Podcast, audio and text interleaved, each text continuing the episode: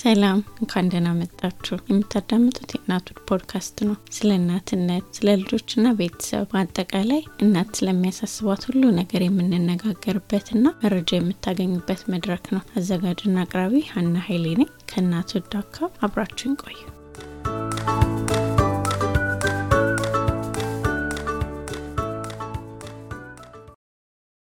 ሊሊ እንኳን ደህና መጣሽ። thank you honey። ዛሬ ከሊዲያ ጋር ስለ እናቶች የአእምሮ ጤና ልናወራን ያሰብነው። ሊዲያ በ clinical psychology PhD አላት።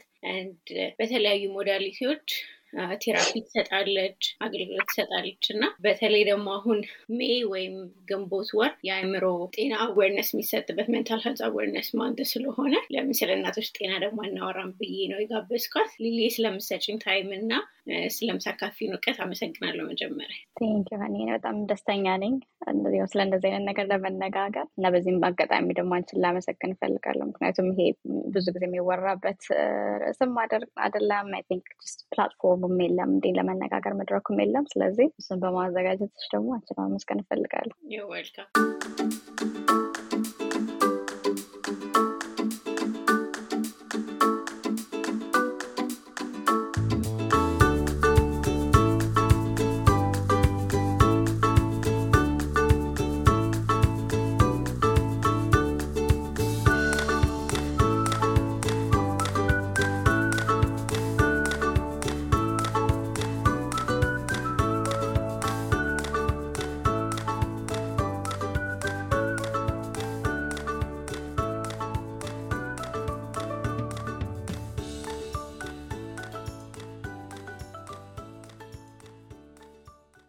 ከመጀመራችን በፊት የት እንደምትሰሪ ስለ therapy ዎቹም ደግሞ አንዳንድ ነገር በምን አይነት modality ዎች እንደምትሰሪ ምን አይነት የአእምሮ ጤና ላይ focus እንደምታረጊ ሰዎችም ደግሞ ሊያገኙሽ ከፈለጉ የት እንደሚያገኙሽ እስቲ አንዳንድ ነገር ንገሪ። አሁን የምኖረው ሜሪላንድ ነው USA ውስጥ። የምሰራው DC ውስጥ ነው። ሰው ብዙ ጊዜ DC፣ ሜሪላንድ፣ ቨርጂኒያ ያሉ client ኦችን ነው የማየው። አሁን በቅርቡ ለነገሩ ሰላሳ አምስት state በ telehealth ወይ በቪዲዮ therapy ለማድረግ license ኡን አውጥቻለሁ። ሰው አሁን እንትንም ሰፍቷል፣ የማይበትም ቦታ ሰፍቷል። focus የማደርግበት ቦታ የድባቴ depression እና የ anxiety የአእምሮ ጭንቀት ላይ focus የሚያደርግ ነው። ከስምንት ዓመት እስከ ስልሳ ሰባ ዓመት ድረስ ያሉ ሰዎችን የምናየው። የምንሰጠው therapy ደግሞ cognitive behavioral therapy ይባላል። ለ anxiety specifically ለ anxiety እና ለ depression ድባቴ እና የአእምሮ ጭንቀት ለሚባለው የተዘጋጀ ሕክምና ነው።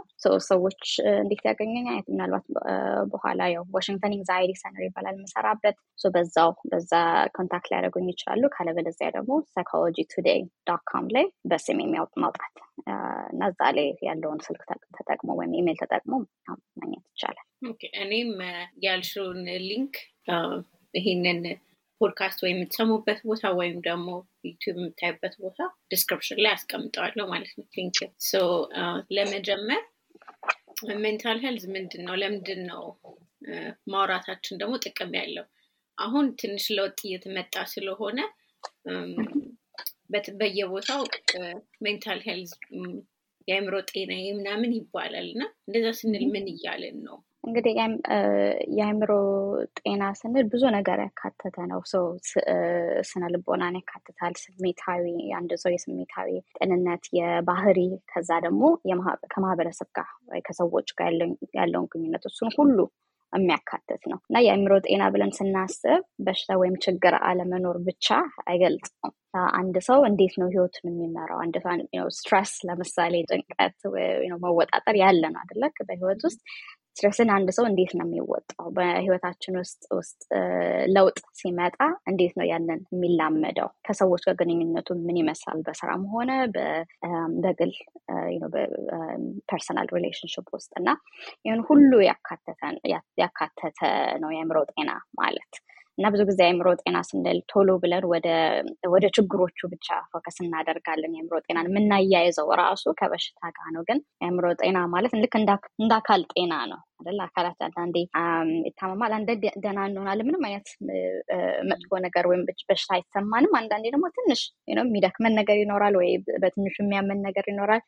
አንዳንዴ ደግሞ አልፎ ከባድ በሽታ ሊይዘን ይችላል እና የአእምሮ ጤናም እንደዛ በ continuum ወይም በ spectrum ያለ ነው እንጂ አእምሮ ጤና አለ የለም ብቻ የሚባል ነገር አለ። ማውራታችን ደግሞ I guess ጥቅሙ የሚመስለኝ በጣም ለአእምሮ ጤና የሚሰጠው ነገር negative ስለሆነ ልክ እንደዚህ ሲባል በእኛ እንደውም culture እብደት የሚለው ቃል ነው አይደል የሚመጣው እና ሰዎች ደግሞ ተጨንቄያለው ስጨነቅ ለአእምሮዬ ለሙሉ ጤንነቴ ሰላም አይደለም ብለው ለሕክምናም እርዳታ ለማግኘት አይሄዱም እና ማውራታችን I guess ለዚህ ጠቃሚ ይመስለኛል። ማለት ነገሩ ራሱ ይሄ ነው የሚለውን ነገር ለመለየት አይደል? think የመጀመሪያው የሚጀምረው ዋና ጥቅሙ እሱ ነው ብዬ ነው የማስበው። ምክንያቱም I think በእኛ ማህበረሰብ ብቻ አይደለም በብዙ ማህበረሰብ አእምሮ ጤና ወይም አእምሮ ችግር የሚባለው ነገር በጣም የተዛባ ወይም የተሳሳተ አመለካከት የተሞላው ነው። ከዛም አልፎ ደግሞ ተደባብቆ ተሸፋፍኖ የሚያልፍ ነገር ነው እና በግልጽ እንዲህ መነጋገራችን አንደኛ ሰዎች ችግሮች ቢያጋጥሟቸው ከአእምሮ ጤና ጋር የተያያዘ ችግር ቢያጋጥማቸው የሰውን ፍርድ ወይም ደግሞ አድሎ አይነት አስተያየት ሳይፈሩ የሚያስፈልጋቸውን ራሱ እርዳታ እንዲያገኙ እንዲፈልጉና እንዲያገኙ ያበረታታል ብዬ አስባለሁ። ከዛ አልፎ ደግሞ ብዙ ብዙ የተለመዱ ናቸው ብለን የምናስባቸው ራሱ የአእምሮ ከአእምሮ ጤና ጋር የተያያዙ ችግሮች ሳይታወቁ ያልፋሉ ስለማንነጋገርባቸው እና ራሱ እንዲህ ተነጋግረን ምልክቶቹ ምን ይመስላሉ? አሁን ለምሳሌ depression ወይም anxiety የምንላቸው በጣም common የሆኑ ነገሮች ናቸው። የአእምሮ ጤና ላይ የሚያጋጥሙ ነገሮች ናቸው እና ምንድን ነው ምልክቱስ ራሱ መቼ ነው አንድ ሰው ወደ እርዳታ መጠየቅ ያለበት? እዛ ከመድረሱ በፊት ነገሩ እንዳይባባስ ምን ማድረግ አለበት የሚለውን ነገር ሁሉ የሚማርበት መንገድ ሌላ የለም እንዲህ በግልጽ ካልተነጋገርን እና በዛም በኩል በዛም በኩል ይረዳል ብዬ አስባለሁ። I think ሌላው እንደ prevention ራሱ ለመጠቀም አንዳንዴ ስንነጋገር risk risk factor የምንላቸው አሉ አይደለ? በህይወታችን ለምሳሌ የሚያጋጥሙን ከባባድ ፈተናዎች ሲኖሩ ያ ሰው ወይ ወደ depression ወይ anxiety የመግባት እድሉ ከፍ ሊል ይችላል እና አንድ ሰው ለዛ አደጋ የተጋለጠ ነው ብለን ስናስብ ራሱ ቀድመን ችግር ከመሆኑ በፊት የምንወስዳቸው step ኦች አሉ ወይም የምንወስዳቸው እርምጃዎች አሉ እና እነሱን ሁሉ ለማድረግ እድል ይሰጠናል ብዬ አስባለሁ። በግልጽ ስንነጋገር እንዳልሽ ነው ወይ ጤነኛ ወይ እብድ የሚል ብቻ ሁለት የተከፋፈለ group አይደለም ያለው።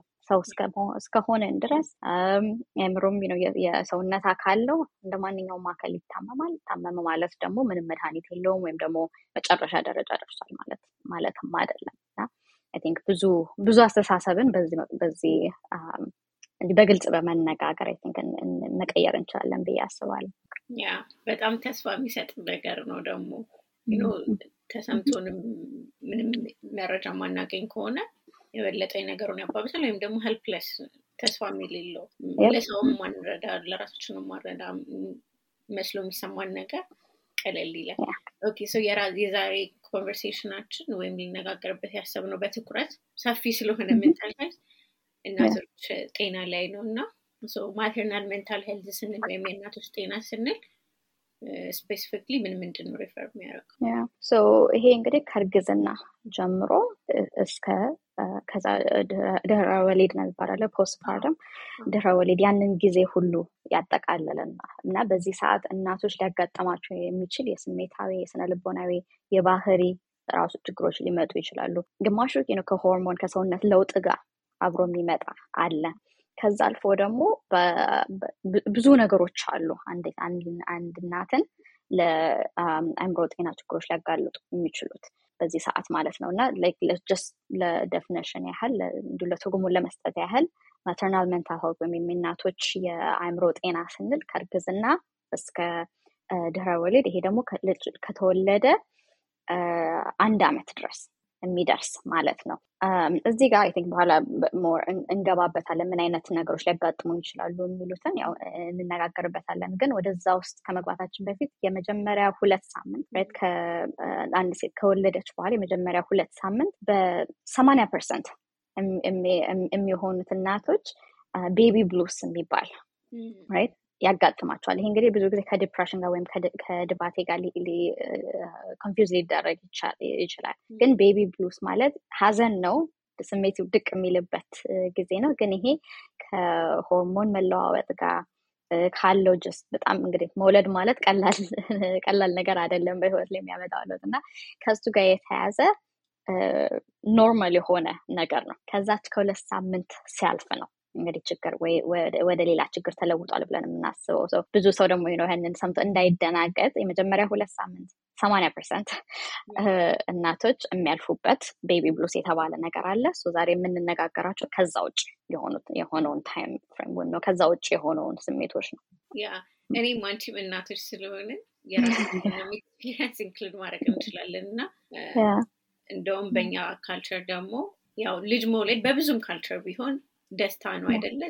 በቃ joy ኡ ላይ ብቻ focus እንድናደርግ ደስታው ላይ ብቻ አንቺ ጤነኛ ከሆንሽ ልጆች ጤነኛ ከሆኑ ተብሎ እነዚህ ስሜቶች በጣም ይደበቃሉ እና እንደውም space ባለመኖሩ ማውራት ባለመቻላችን ምናምን ሊባባሱም ይችላሉ እና እርዳታ ማግኘቱም ደግሞ አይኖርም። ግን አሁን የተሻለ awareness አለ።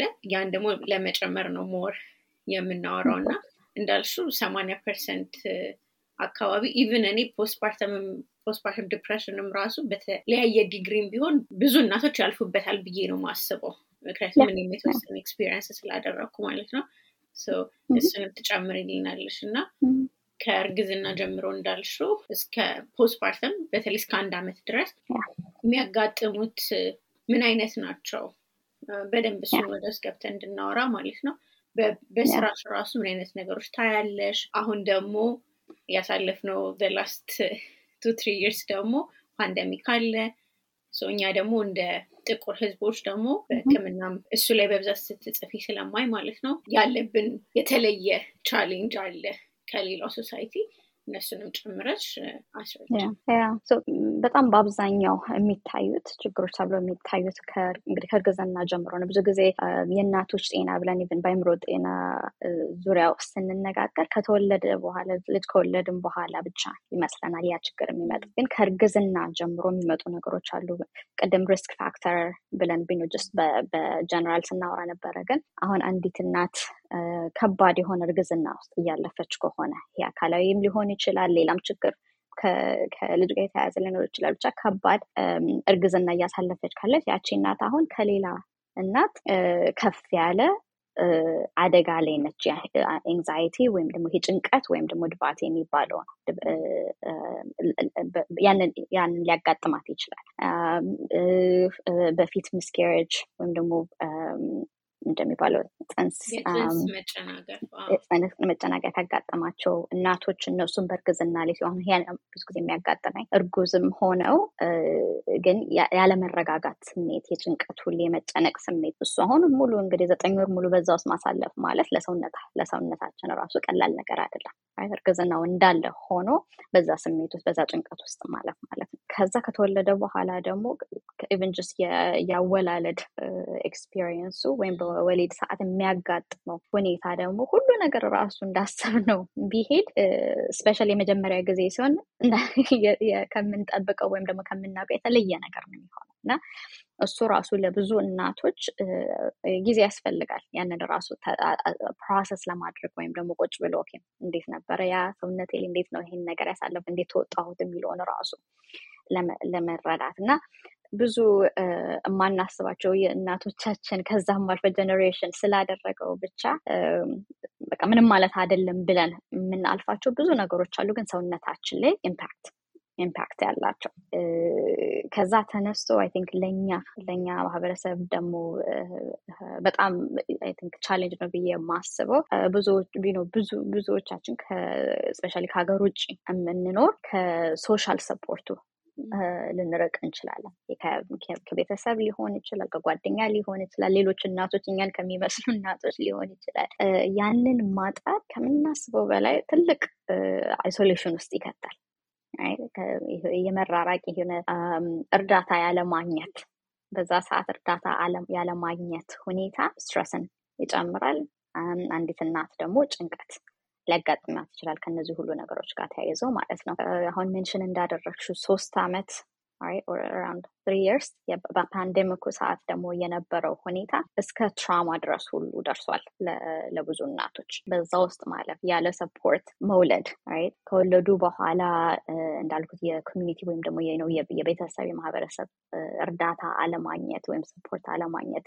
እንግዲህ እርዳታ ስል መጥቶ ስራ ለማገዝ ብቻ አይደለም ወይም ልጅ ለማሳደግ ብቻ ራሱ አብሮ ሆኖ guidance የሚሰጥ አይደል? ወይም ደግሞ just አለሁ የሚል ሰው ብቻ ራሱ አለመኖሩ በጣም የሚጎዳ ሳይኮሎጂ በስነ ላይ ጫና የሚያደርግ የሚያደርግ ነገር ነው እና በ pandemic ኡ ሰዓት የወለዱ እናቶች ብዙዎቹ trauma አጋጥሟቸዋል በዛ ሰዓት።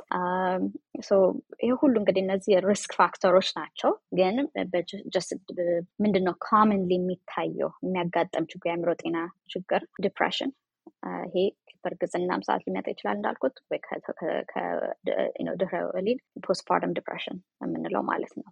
ይሄ ሀዘን የማይቋረጥ አይነት ሀዘን፣ እንቅልፍ ማጣት፣ የአመጋገብ ሁኔታ ለውጥ፣ አቅም ማጣት ወይም ደግሞ ጉልበት ማጣት፣ ዝም ብሎ መድከም ከዛም አልፎ ደግሞ ለአንዳንዶች ራስን ራስን የመጉዳት ወይም ደግሞ ህፃኑን የመጉዳት ሀሳብ መምጣት እነዚህ ሁሉ አሁን ከ depression postpartum depression ወይም ድህረ ወሊድ ድባቴ የምንላቸው ናቸው። ሁለተኛው anxiety ነው። postpartum anxiety ይሄ ደግሞ ድህረ ወሊድ እንግዲህ ድህረ ወሊድ ጭንቀት የምንለው ነው። ይሄ ደግሞ ከመጠን ያለፈ ጭንቀት ነው። I think ብዙ እናቶች ይጨነቃሉ። especially አዲስ እናቶች I think normal normal የሆነ ሁኔታ አለው። ግን ይሄ ከመጠን ያለፈ ጭንቀት ስለ ህፃኑ ብዙ ጊዜ ከህፃኑ ደህንነት ጋር የተያያዘ ነው። መጨነቅ፣ መረጋጋት ማጣት፣ እንቅልፍ ማጣት ምግብ ራሷን እስከምትጎዳ ድረስ አይደል ምግብ መብላት አለመቻል። ልክ ይሄ ደግሞ ስንደነግጥ የሚሰማን የሆነ ነገር ቢያስደነግጠን የሚሰማን አይነት አለ አይደል አካላችን ላይ የሚሰማ የልብ ምት መጨመር ወይ መንቀጥቀጥ፣ እነዚህ አይነት ነገሮች ድረስ ሁሉ እስከሚደርስ የሚፈጠር አይነት ጭንቀት አለ እና እሱ እንግዲህ anxiety የምንለው ነው ማለት ነው። ሁለቱ ናቸው commonly የምናያቸው፣ ግን አንድ ከሱም ያለፉ አሉ በብዙ ማናያቸው፣ ግን ሲያጋጥሙ ከበድ ያለ ችግሮች ሊጥሉ የሚችሉ አሁን postpartum psychosis የምንላቸው እሱ አሁን የ almost የቅዠት አይነት state ውስጥ የመግባት የመግባት ሁኔታ አለ። የሀሳብ መዛባት እውነታውን ከሌላው መለየት አለመቻል፣ የትኛው እውነት እንደሆነ የትኛው በጭንቅላት በጭንቀት ውስጥ የተፈጠረ ነገር እንደሆነ መለየት እስከሚያቅት ድረስ ከዛ ደግሞ ራስን ለመጉዳት ወይም ደግሞ ህፃንን ለመጉዳትም ከፍ ያለ አደጋ ላይ የሚጥል ችግር ነው። አሁን recently እንደውም ዜና ላይ በጣም የሚያሳዝን ዜና ነበር ከዚህ ነው ከዚህ ጋር ተያይዞ እና እሱ rare ነው፣ ግን እሱ ሲያጋጥም ወዲያውኑ የ emergency መወሰድ አለባት እናት እና ከበድ ያለ ነው ከሌላው ከሌላው ችግር። ከሱ ሌላ OCD obsessive compulsive disorder የምንለው እሱም ደግሞ በ pregnancy በእርግዝና ሰዓት ወይም ደግሞ ድህረ ወሊድ የሚያጋጥም ነው። ይሄ የኤንግዛይቲ አይነት ነው። በትክክለኛው የኤንግዛይቲ የጭንቀት አይነት ነው። ግን ለየት የሚያደርገው ምንድን ነው? አንድ ነገር ወይም ደግሞ የሆነ አሁን ብዙ ጊዜ እንዳልኩት ከህፃን ደህንነት ጋር የተያያዘ የሆነ እና እየተመላለሰ እየተመላለሰ የሚያስጨንቅ ሀሳብ በቃ ያንን ሀሳብ ለማቆም ራሱ ብንሞከር የማንችልበት አይነት ደረጃ ልንደርስ እንችላለን። አሁን ከዛ ያንን ለማጥፋት ስንል ደግሞ እየደጋገምን የምናደርገው ሁኔታ ውስጥ እንገባለን ወይም የምናደርጋቸው ነገሮች ይፈጠሩ። ለምሳሌ የልጅን ትንፋሽ ይተነፍሳል አይተነፍስም ብሎ ቁጭ ብሎ ማየት። ግን ይሄ እንዳልኩት ብዙዎቹ ከ normal የእናት ወይም የአዲስ እናትነት ጋር የተያያዙ የሚገናኙ አይነት ባህሪዎች አሉ። ግን extreme ሲሆን ነው አይደል? አሁን ለምሳሌ ቁጭ ብለው የ OCD ስል አንድ እናት ሙሉ ሌሊት ቁጭ ብላ ልታደር ትችላለች ልጇን ሲተነፍስ ለማየት። አሁን ይሄ ይሄ በየመሀል እየሄዱ check ማድረግ ወይም ደግሞ የተወሰነ ሰዓት ቆይተው ዝም ብሎ check ማድረግ አይደለም። ቁጭ ብላ እንቅልፍ አጥታ ትንፋሽ ልትጠብቅ ትችላለች። አንድ እናት በ OCD ውስጥ ስትባል እና እንደዛ extreme ነው ሰው ሰው እንዳይደናገጥ ብዬ ነው አንዳንዱ normal የሆነውም ባህሪ ከዚህ ጋር እንዳያያዝ እና እነዚህ ናቸው ብዙ ነው commonly የሚታዩት በ postpartum ወይ maternal mental ላይ. እኔም በ pandemic ጊዜ ስለሆነ የመጀመሪያ ልጅ ነው የወለድኩት። ከዛ አንቺን በመሀል አካባቢ ነው እና ያ ጊዜ ከባድ ስለሆነ ስለነበረ ያሳለፉትን አንዳንድ ነገር ማለት እፈልጋለሁ። ያልሻቸው symptom ኦች ብዙ ሰው experience ያደርገዋል። እኔም experience አድርጌዋለሁ። እንዳልሽው ጥያቄንም refer ማድረግ የምፈልገው ምንድን ነው መቼ ነው help ማግኘት ያለብን ወይም ደግሞ እንዴት ሊያግዘን የሚችሉ ነገሮች እንዴት ማድረግ እንችላለን? አሁን ጥሩ አድርገሽ symptom ኦቹን ምናምን ነግረሽናል፣ ግን ከዛ እሺ ምን አደርጋለሁ ወይም ደግሞ መቼ ነው የማውቀው ይሄ ነገር ነው መስመሩን ማለፉ እንዳልሽው አዲስ እናት ስንሆን በተለይ ትንሽ stable እስከምንሆን ድረስ ሁሉ ነገር አዲስ ነው። ራሱ መውለድ ያልሽው ራሱ መውለድ traumatic ሊሆን ይችላል እና ደግሞ የተለመደ experience አይደለም። በተለይ አዲስ እናት መውለድ ሁልጊዜም አዲስ ነው even ይባላል። ግን በተለይ አዲስ እናት ምን እንደምትጠብቅ እንኳን አታውቅም። እኔ actually ለዛ ነው birth story ዎች በጣም መነገር አለባቸው ብዬ ሁልጊዜ የምለው። ምክንያቱም አስታውሳለሁ እኔ እርጉዝ ሆኜ ምን አይነት ስሜት አለው ብዬ ጉግል ሳረግ ማለት ነው። ምክንያቱም በደንብ የሚነግረኝ ሰው አልነበረም። ወይም ደግሞ ከተነገረንም negative ነገር ብቻ ነው በብዛት አስተውለሽ ከሆነ በጣም የሚያስፈራ ወይም movie ላይ የምታያቸው ነገሮች እንደዛ ናቸው። ግን actually እንደዛ ነው ማለትም አይደለም ሁልጊዜ እና ከሱ ጀምሮ የተለመዱ የሚመስሉ ነገሮች ቢኖሩ ግን መቼ ነው መስመሩን የሚያልፈው እና ደግሞ መቼ ወደ እርዳታ መጠየቅ የት ነው ራሱ እርዳታ የምንጠይቀውን ከምን ይጀምራል?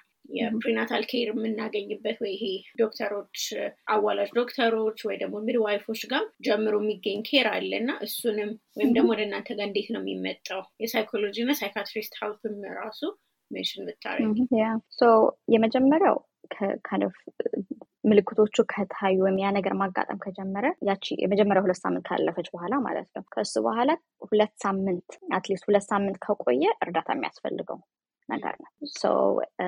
ብዙ የስሜት ለውጦች አሉ።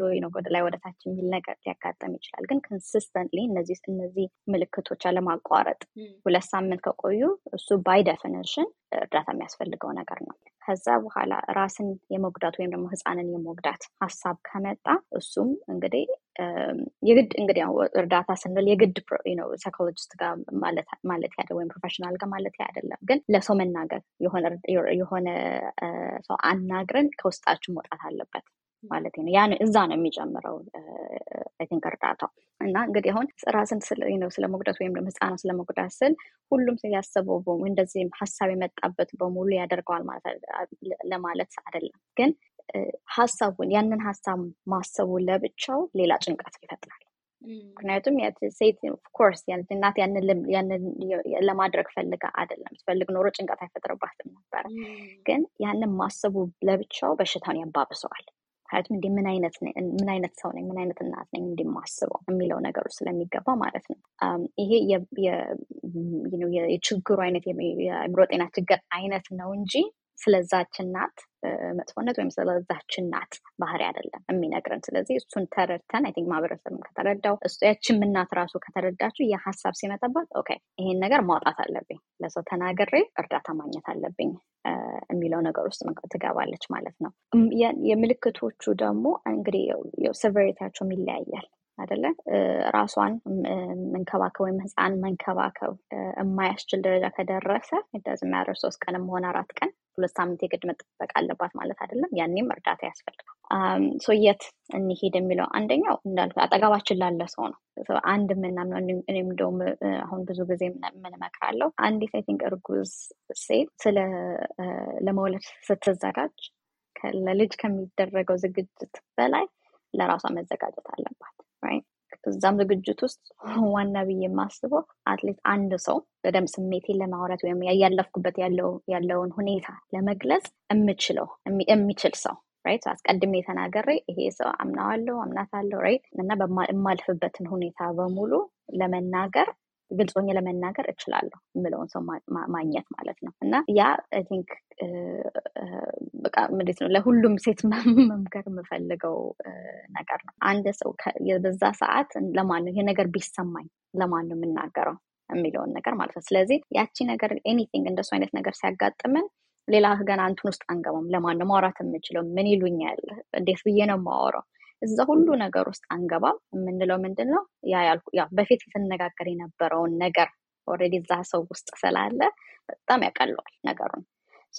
ይሄ እንግዲህ almost እንደ preventive አይነት ነው ነገሩ እንደምለን avoid ለማድረግ ነገር ነው። ግን እንደዛም ባይሆን አንደኛ እርዳታ ስናስብ አጠገባችን ካለው ሰው አንዲት ሰው አንድ ሰው ያምነናል፣ አይፈርድብንም ብለን የምናስበውን ሰው መምረጥና መናገር ከዛ የስ አዋላጅ ዶክተሮች አላቸው referral information አይደል ወዴት እንደሚልኩ። ስለዚህ ያ አንድ source ነው። ግን አሁን በ more እያየሁ ያለሁት pediatrician የልጆች ዶክተሮች እነሱ እንደውም ከአዋላጅ ዶክተሮች የተሻለ እንግዲህ አሁን በአካባቢ እንደማየው አዋላጅ ዶክተሮች የተሻለ እንደውም attention ይሰጣሉ ለእናቶች ብዬ አስባለሁ። እንግዲህ ሁሉም ቦታ ላይሆን ይችላል። ብዙ ጊዜ ሴት ከወለደች በኋላ እንግዲህ ከስድስት ሳምንት በኋላ checkup አለ። ከዛ በኋላ ምንም ነገር የለም። ስድስት ሳምንት በቂ አይደለም just ለማድረግ ለዛ ነው ብዙ pediatrician ግን ብዙ ጊዜ መላለሳ መጀመሪያ especially መጀመሪያ አካባቢ ልጆች ብዙ checkup ሊኖራቸው ይችላል። ብዙ ጥሩም relationship ይኖራል። ብዙ ብዙ ጊዜ ስለሚያጠፉ ማለት ነው። እሱ አንድ መንገድ ነው ሪፈራል ለማግኘት እንዲህ እንዲህ ይሰማኛል ወደ psychologist ላኩኝ ለማለት ማለት ነው። psychiatrist የሚያስፈልገው እንግዲህ ያው psychologist በ therapy ነው የሚያክመው psychiatrist በመድኃኒት ነው። psychiatrist ጋር የሚያስፈልገው እንግዲህ አንደኛ severity ው ነው፣ ምን ያህል ከባድ ደረጃ ላይ እንደደረሰ። ከዛ ደግሞ እንዳልኩት ቅድም ሳይኮሲስ ወይም ከበድ ከበድ ያሉት በሽታዎች ሲያጋጠሙ ወይም ደግሞ ራስን ለማጥፋት ራስን ለመጉዳት የሚያሳስብ ደረጃ ላይ ከደረሰ እሱም by the way አለው መጠን ማሰብ ብቻ አይደለም። አንድ ሰው ማቀድ ከጀመረ እርግጠኛ ሆኖ እንዲህ ነው የማደርገው ብሎ ማሰብ ከጀመረ እሱ ሌላ level ነው። ያኔ ነው የሚያስፈልገው። ያኔ ወደ psychiatrist ስሜቱን ለማረጋጋት ማለት ነው። ያም ሲሆን እንግዲህ ብዙ psychiatrist ኦች አይ ብዙ እናቶች አንደኛ እስከ መቼ እወስደዋለው መድኃኒት ላይ ጥገኛ ሆናለሁ የሚል ፍርሃት አላቸው። ከሱ የበለጠ ደግሞ የሚያጠቡ እናቶች ይሄ በጣም ሊያስጨንቃቸው ይችላል። ስለዚህ እሱን እሱን ሁሉ ተናግሮ ዘ ወይ ነገሩን ብቻ ለመቆጣጠር ለትንሽ ጊዜ ከዛ ተመልሶ ለማስተካከል። ስለዚህ እነዚህ እነዚህ ነገሮች ሁሉ ያልታሰቡባቸው ነገሮች አይደሉም። ስለዚህ ይሄን ነገር ማጥባት ለምሳሌ እንዴት ማጥባት እፈልጋለሁ እሱን እንዴት ነው መቀጠል የምችለው ወይም ደግሞ እንዴት አድርግ የትኛው መድኃኒት በወስድ ነው ቶሎ ተመልሽ ወደዛ ልገባ የምችለው ብዙ አይነት ነገሮች አሉ ከሱ ጋር የተያያዙ እና መድኃኒትን በዛ መንገድ ካስፈለገ በመፍራት ብቻ think የሚያስፈልገንን እርዳታ ማጣት የለብንም ለማለት ያህል ነው። ያንኛው መለስኩ ጥያቄ ያ ጥሩ ነው። እኔ ደግሞ አስቤው አላውቅም ነበር፣ ግን ስትናገሪ ልክ pediatrician ኦች ይጠይቃሉ።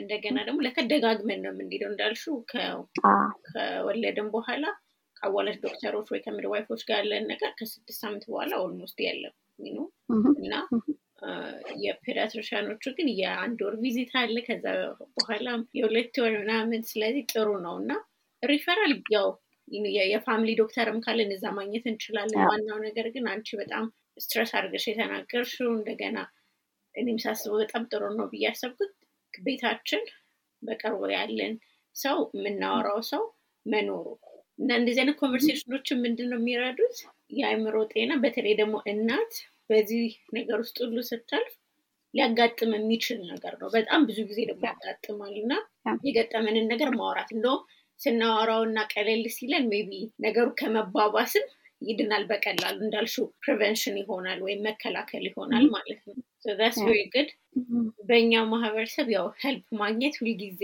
ወደኋላ የምንለው ነገር ነው። እንዳልሽው መድኃኒቶችን በመፍራት ሊሆን ይችላል። አንዴ ከገባ አልወጣበትም የሚባል ነገር፣ ሌሎችም አንዳንዴ ደግሞ በጣም እንደተባሉ የአእምሮ ጤናን መጀመሪያ ላይ mention እንዳደረግ ነው ወደ እብደትና አይደል? በጣም ይሄ extreme የሆነውን ነገር ስለሚታሰብ ያው stigma አለው። ይሄ ማግለል እና ሰው ምን ይለኛል? እንዴት በተለይ ደግሞ ከተወለደ በኋላ ከሆነ በዚህ በደስታ ጊዜ እንዴት እንደዚህ ላለው እና ራስን በጣም ወደኋላ የማድረግ ነገር ይመጣል ስለዚህ እንደዛ እንዳይሆን ምን ታበረታቻለች እስካሁን mention ያደረግሻቸው ነገሮች ጥሩ ናቸው። በተለይ በቤታችን support ማግኘት ማውራቱ ከመፈጠሩ በፊት እንዳይሆን ለመከላከል ስለሚረዳ። ግን ቢሆንም ደግሞ እነዚህ የሚባሉት ነገር እውነት ናቸው። እውነት ከገባን አንወጣበትም። ወይም ደግሞ help ኦችን አሁን እንዳልሽው ብዙ there's a way እስቲ option ኦች እንዳሉ ነው የሚያሳየኝ። እና ያሉንን ኦፕሽኖች ንገረኝ yes አሁን ከገባን አንወጣበትም የሚለው ብዙ እንዴት ነው በእኛ እጅ ላይ ነው ያለው ምንም control እንደሌለን አይነት አድርገን ነው የምናስብ ግን ብዙ control አለን። ከመድኃኒት ምን አይነት መድኃኒት ምን አይነት dose ከሚለው ጀምሮ ማለት ነው። Yes እኛ ለራሳችን አናዝም። ግን no ይሄን አሁን እንደዚህ አይነት side effect ምን አይነት side effect አለው ይሄ ነገር? ምን ያህል dependency ይፈጥራል right ከጀመርኩት በኋላ ከዛ ላይ ለመውጣት ምን ያህል ጊዜ ይፈጅብኛል? ምን ያህል ከባድ ነው? ጥያቄዎቹን ራሱ ለመጠየቅ ድፍረቱን ማግኘት ነው። አንዳንዴ ራሳችን ድፍረት ባናገኝ አሁን ለምሳሌ አጠገባችን ሰው አጠገባችን ሰው አንድ ሰው ይኖራል የምለው ምንድነው? በዛ ሰዓት አንድ state I think በብዙ መልኩ vulnerable የምትሆንበት ሰዓት ነው። ብዙ ብዙ በጣም vulnerable የምትሆንበት ሰዓት ነው። እና በዛ ሰዓት አንድ ሰው እንደ advocate ለእኛ የሚቆም አይነት ሰው መምረጥ ማለት ነው። ለዛ ነው ያችን emphasize ያደረግኩት እና ጥያቄዎች መድኃኒት ቢያስፈልገኝ ምንድን ነው የምንጠይቀው? Right ህክምና ቢያስፈልገኝ ምንድን ነው የምንጠይቀው? የሚሉትን ጥያቄዎች ራሱ አስቀድሞ ለመነጋገር ማለት ነው። ነው መድኃኒት ሁሉም መድኃኒት እንግዲህ እኔ መድኃኒት አላዝም ራሱ እኔ ያንን advocate ራሱ የማደርገው እንትን አይደለም። ግን በጣም ብዙ ሁኔታዎች አሉ። መድኃኒት best option ለአንዳንድ ሰዎች. It's life saving option ለብዙ ሰዎች ግን እኔ አብሬያቸው የምሰራቸውን በአብዛኛዎቹ of course መድኃኒት ላይ አይደለም ወደ መድኃኒት አይደለም የምመራቸው። ግን just እንዲሁ በደፈናው ብቻ መድኃኒት አንዴ ከጀመርነው አናቆምም። ወይም ደግሞ አንዴ ከገባንበት አንወጣው የሚለው አስተሳሰብ ትክክል አይደለም ያ መድኃኒት እንደ ብዙ ጊዜ እንዴት ነው መሰለሽ የምገልጸው? አንድ ሰው surgery ቢያስፈልገው ራይት ኦፐሬሽን ማድረግ ቢያስፈልገው ያ ነገር ያ ህክምና ሲሰጠው መቋቋም ሰውነቱ መቋቋም እንዲችለው painkiller right ያንን ህመም የሚሸፍንለት painkiller ይሰጣል አይደል ካለ painkiller ኡ painkiller ኡ አያድነውም painkiller ኡ ዋናው ዋናው የግድ surgery ያስፈልገዋል ብለናል ይሄ ሰው አደለ ሰው painkiller ኡ ለጊዜያዊ ነው። ያንን ነገር እንዲቋቋም ሰውነቱ ያንን ነገር ያንን procedure እንዲቋቋም የሚሰጠው ነገር ነው። አሁን ስለ depression አሁን ለምሳሌ depression ን ብንወስድ አንዳንዴ ህመሙ በጣም ከመክበዱ የተነሳ therapy ላይ ራሱ ለመነጋገር ያሱ ማሰብ ያቅተዋል። ተነጋግሮን ለመፍታት ወይም ደግሞ therapy ቀላል ስራ አይደለም ራስሽን በጣም በጣም የራስሽን focus እና attention በጣም የሚጠይቅ ነገር ነው። focus attention ራስሽ ወደ ውስጥ ራስሽን ማዳመጥ ብዙ ነገር ራስሽን challenge ማድረግ ብዙ ነገር የሚጠይቅ ነገር ነው። እና depression ያን ሁሉ በጣም ያከብደዋል። ሰው አንዳንዴ መድኃኒት የምናዘው ራሱ ወይም ደግሞ ወደ መድኃኒት የምንመራው መድኃኒቱ ያችን ስሜት ትንሽ ዝቅ እንዲያደርጋት depression ኡን እንዲያጠፋው ራሱ አይደለም ትንሽ ዝቅ እንዲያደርጋት እና ያ ሰው እስቲ engage ማድረግ እንዲችል ከ therapist ጋርም ተነጋግሮ ችግሩን ለመፍታት እንዲችል ያንን ያህል ብቻ ለማድረግ ነው። እና መድኃኒት ሲባል ራሱ ሙሉ በሙሉ ምልክቶችን ያጠፋል ማለት አይደለም። ከዛ ደግሞ በሌላ መንገድ አሁን በ therapy ለምሳሌ እየተስተካከለ እየተስተካከለ ሲመጣ መድኃኒቱ እየተቀነሰ እየተቀነሰ ይመጣል። አንድ ሰው መጥቶ ነው እኔ መድኃኒት ነው የምፈልገው በዛ ነው የምቀጥለው ካለ ያ የዛ ሰው ምርጫ ነው። ለብዙ ሰዎች ግን መድኃኒት just to get them ከአንድ ቦታ ወደ አንድ ቦታ ልክ እንዳልኩት እንደ painkiller ኡ ነው ጊዜያዊ የሆነ ነገር ነው። ከባድ ሆኖ የግድ መድኃኒት long term ያስፈልገዋል ከተባለ ደግሞ እንደ ማንኛውም የአካል በሽታ ብዙ ነገሮች አሉ የአካል በሽታዎች መድኃኒት የሚያስፈልጋቸው። ባይሆን ጥሩ ነበረ። and yes side effect አለው። የትኛውን ቦታ ላይ ቁጭ ብለን የትኛውን side effect ኡ ነው የሚብሰው ወይስ በሽታው? የሚለውን ነገር ቁጭ ብለን መመዘን አለብን ከዛ እንወስናለን ማለት ነው። ግን just እንዳልኩ በደፈነ በፍራቻ ብቻ ከገባን ለጣው የሚለው ነገር የተሳሳተ የተሳሳተ conclusion ውስጥ ይከተናል ብዬ አስባለሁ። በ resource ደረጃ ወይም እንዴት ራሳችን እንርዳ የሚለው Postpartum International የሚባል organization አለ። እና አሁን እንግዲህ አሁን እዚህ ያለሁት አሜሪካ ውስጥ አሜሪካ ውስጥ ብቻ አይደለም international የሆነ organization ለምሳሌ ከእርግዝና ጋር ወይም ደግሞ ከድህረ ወሊድ ጋር የተያያዙ ችግሮች ምን ይመስላሉ የሚለውን ሁሉ think በተለያዩ ቋንቋ ሁሉ የተዘጋጁ አሉ እና ራሳችንን እነሱን በእነሱ በእንደዚህ አይነት resource ኦች ማስተማር እንችላለን። ምልክቶች ምን ይመስላሉ? ለሌላ ሰዎች ራሱን መስጠት ይሄንን አንብቡ ለትዳር አጋሪ ሊሆን ይችላል፣ ለጓደኛ ሊሆን ይችላል፣ ለእናት ለእህት ሊሆን ይችላል። ይሄንን አንብቡ ብሎ መስጠት እሱ ራሱ ራሳችንን መርዳት ነው። ከዛ አልፎ I think በእኛ ማህበረሰብ ደግሞ አለን ከእምነት ጋር የተያያዙ ብዙ እርዳታዎች አሉ። በእምነት ላይ የተመሰረቱ ብዙ እርዳታዎች አሉ። እነሱም ይረዳሉ። ዋናው ውስጣችን ብቻ ይዘን ይሄ ነገር እኔ ብቻ ነኝ የሚለውን ነገር ለማስወገድ መሞከሩ ነው እንጂ ብዙ መንገዶች አሉ ራሳችንን መንረዳበት መጨረሻው ላይ ከመድረሳችን ወይም ደግሞ psychologist ጋር ከመሄዳችን በፊት ራሳችን የምናደርገው የራሳችን አስተሳሰብ የምንደውጥባቸው ነገሮች ማለት ነው። ዋናው ደግሞ education ነው። awareness ኡን መፍጠር ራስን ማስተማር ማለት ነው። በዛ መንገድ በጣም ቆንጆ ነበር። ያልነካሁት ማለት ነው ያልጠየቅኩሽ፣ ግን like mention ቢደረግ በተለይ የእናቶችን የአእምሮ ጤና ስናነሳ መታወቅ አለበት የምትይ የቀረ ነገር ካለ የሆነ ጊዜ chance community መፍጠር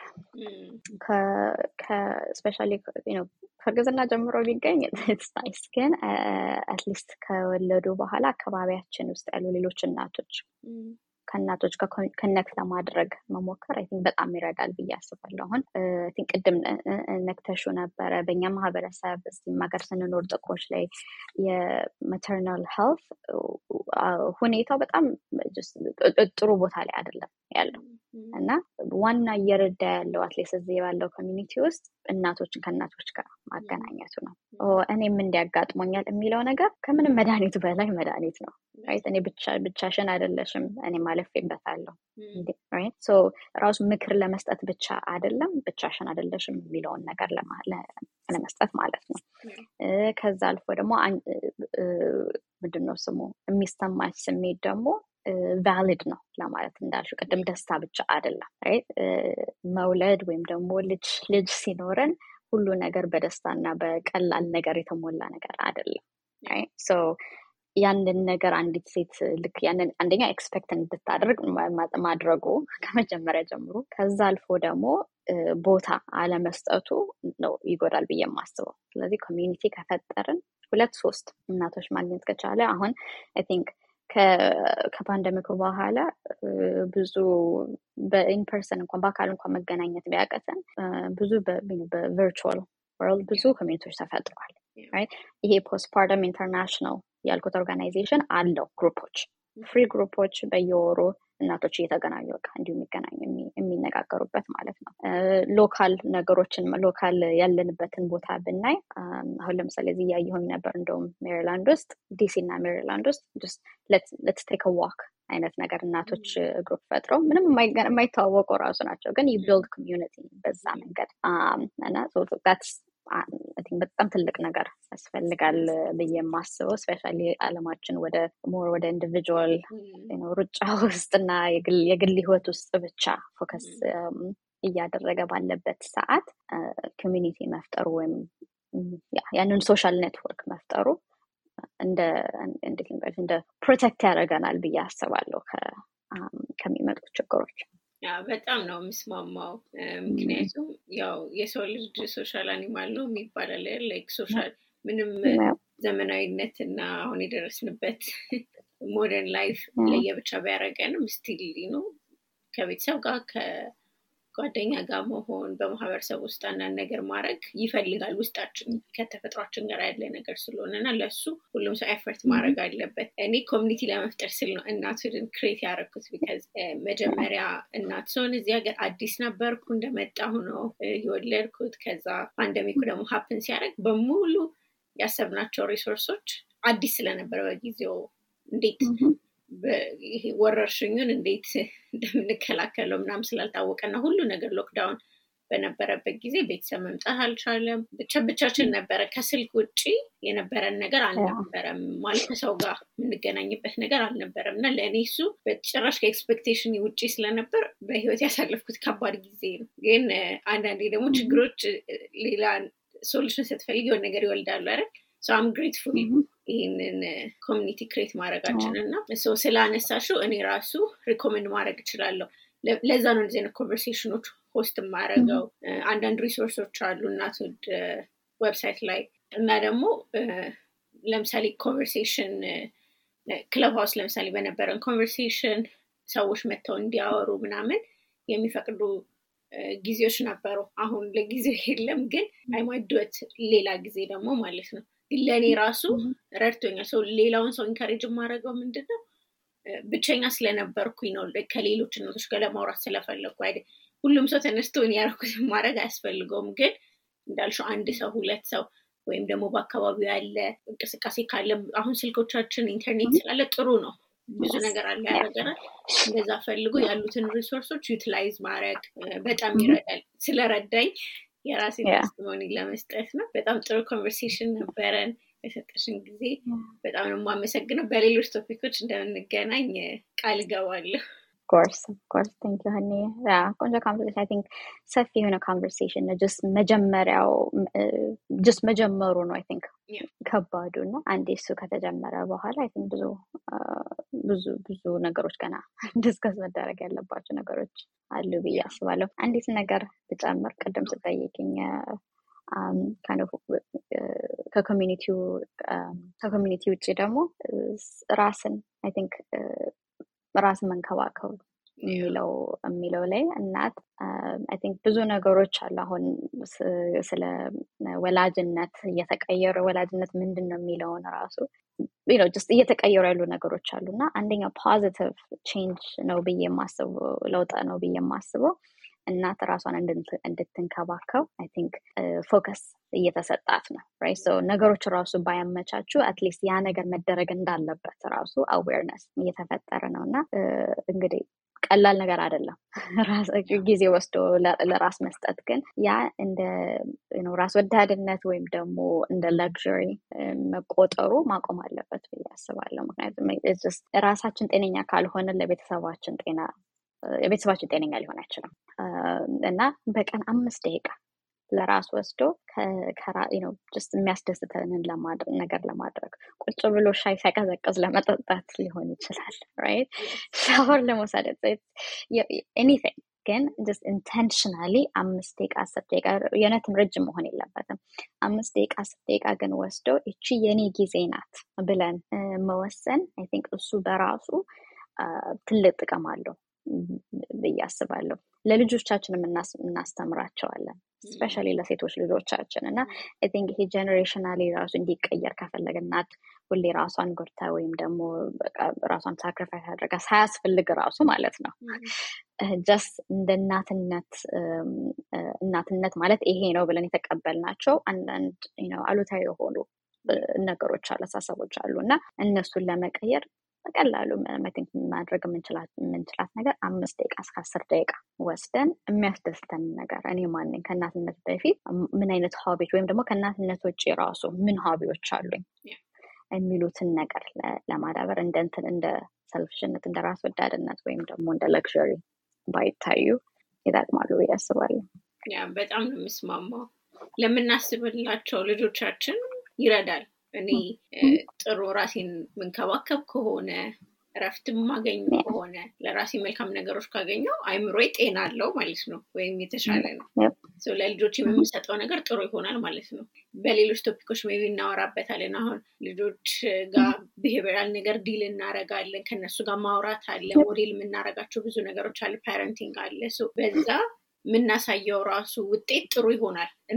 እናት ራሷን የምትንከባከብ self care የምታደርግ ከሆነ እና በጣም የምስማማው። thank ዩ ዌልካም የዛሬ ቆይታችን ይሄን ይመስል ነበር። ተጨማሪ መረጃ ለማግኘት እናት ወደ አካምን መጎብኘት ትችላላችሁ። በቀጣይ ክፍል እስከምንገናኝ በያላችሁበት ሰላም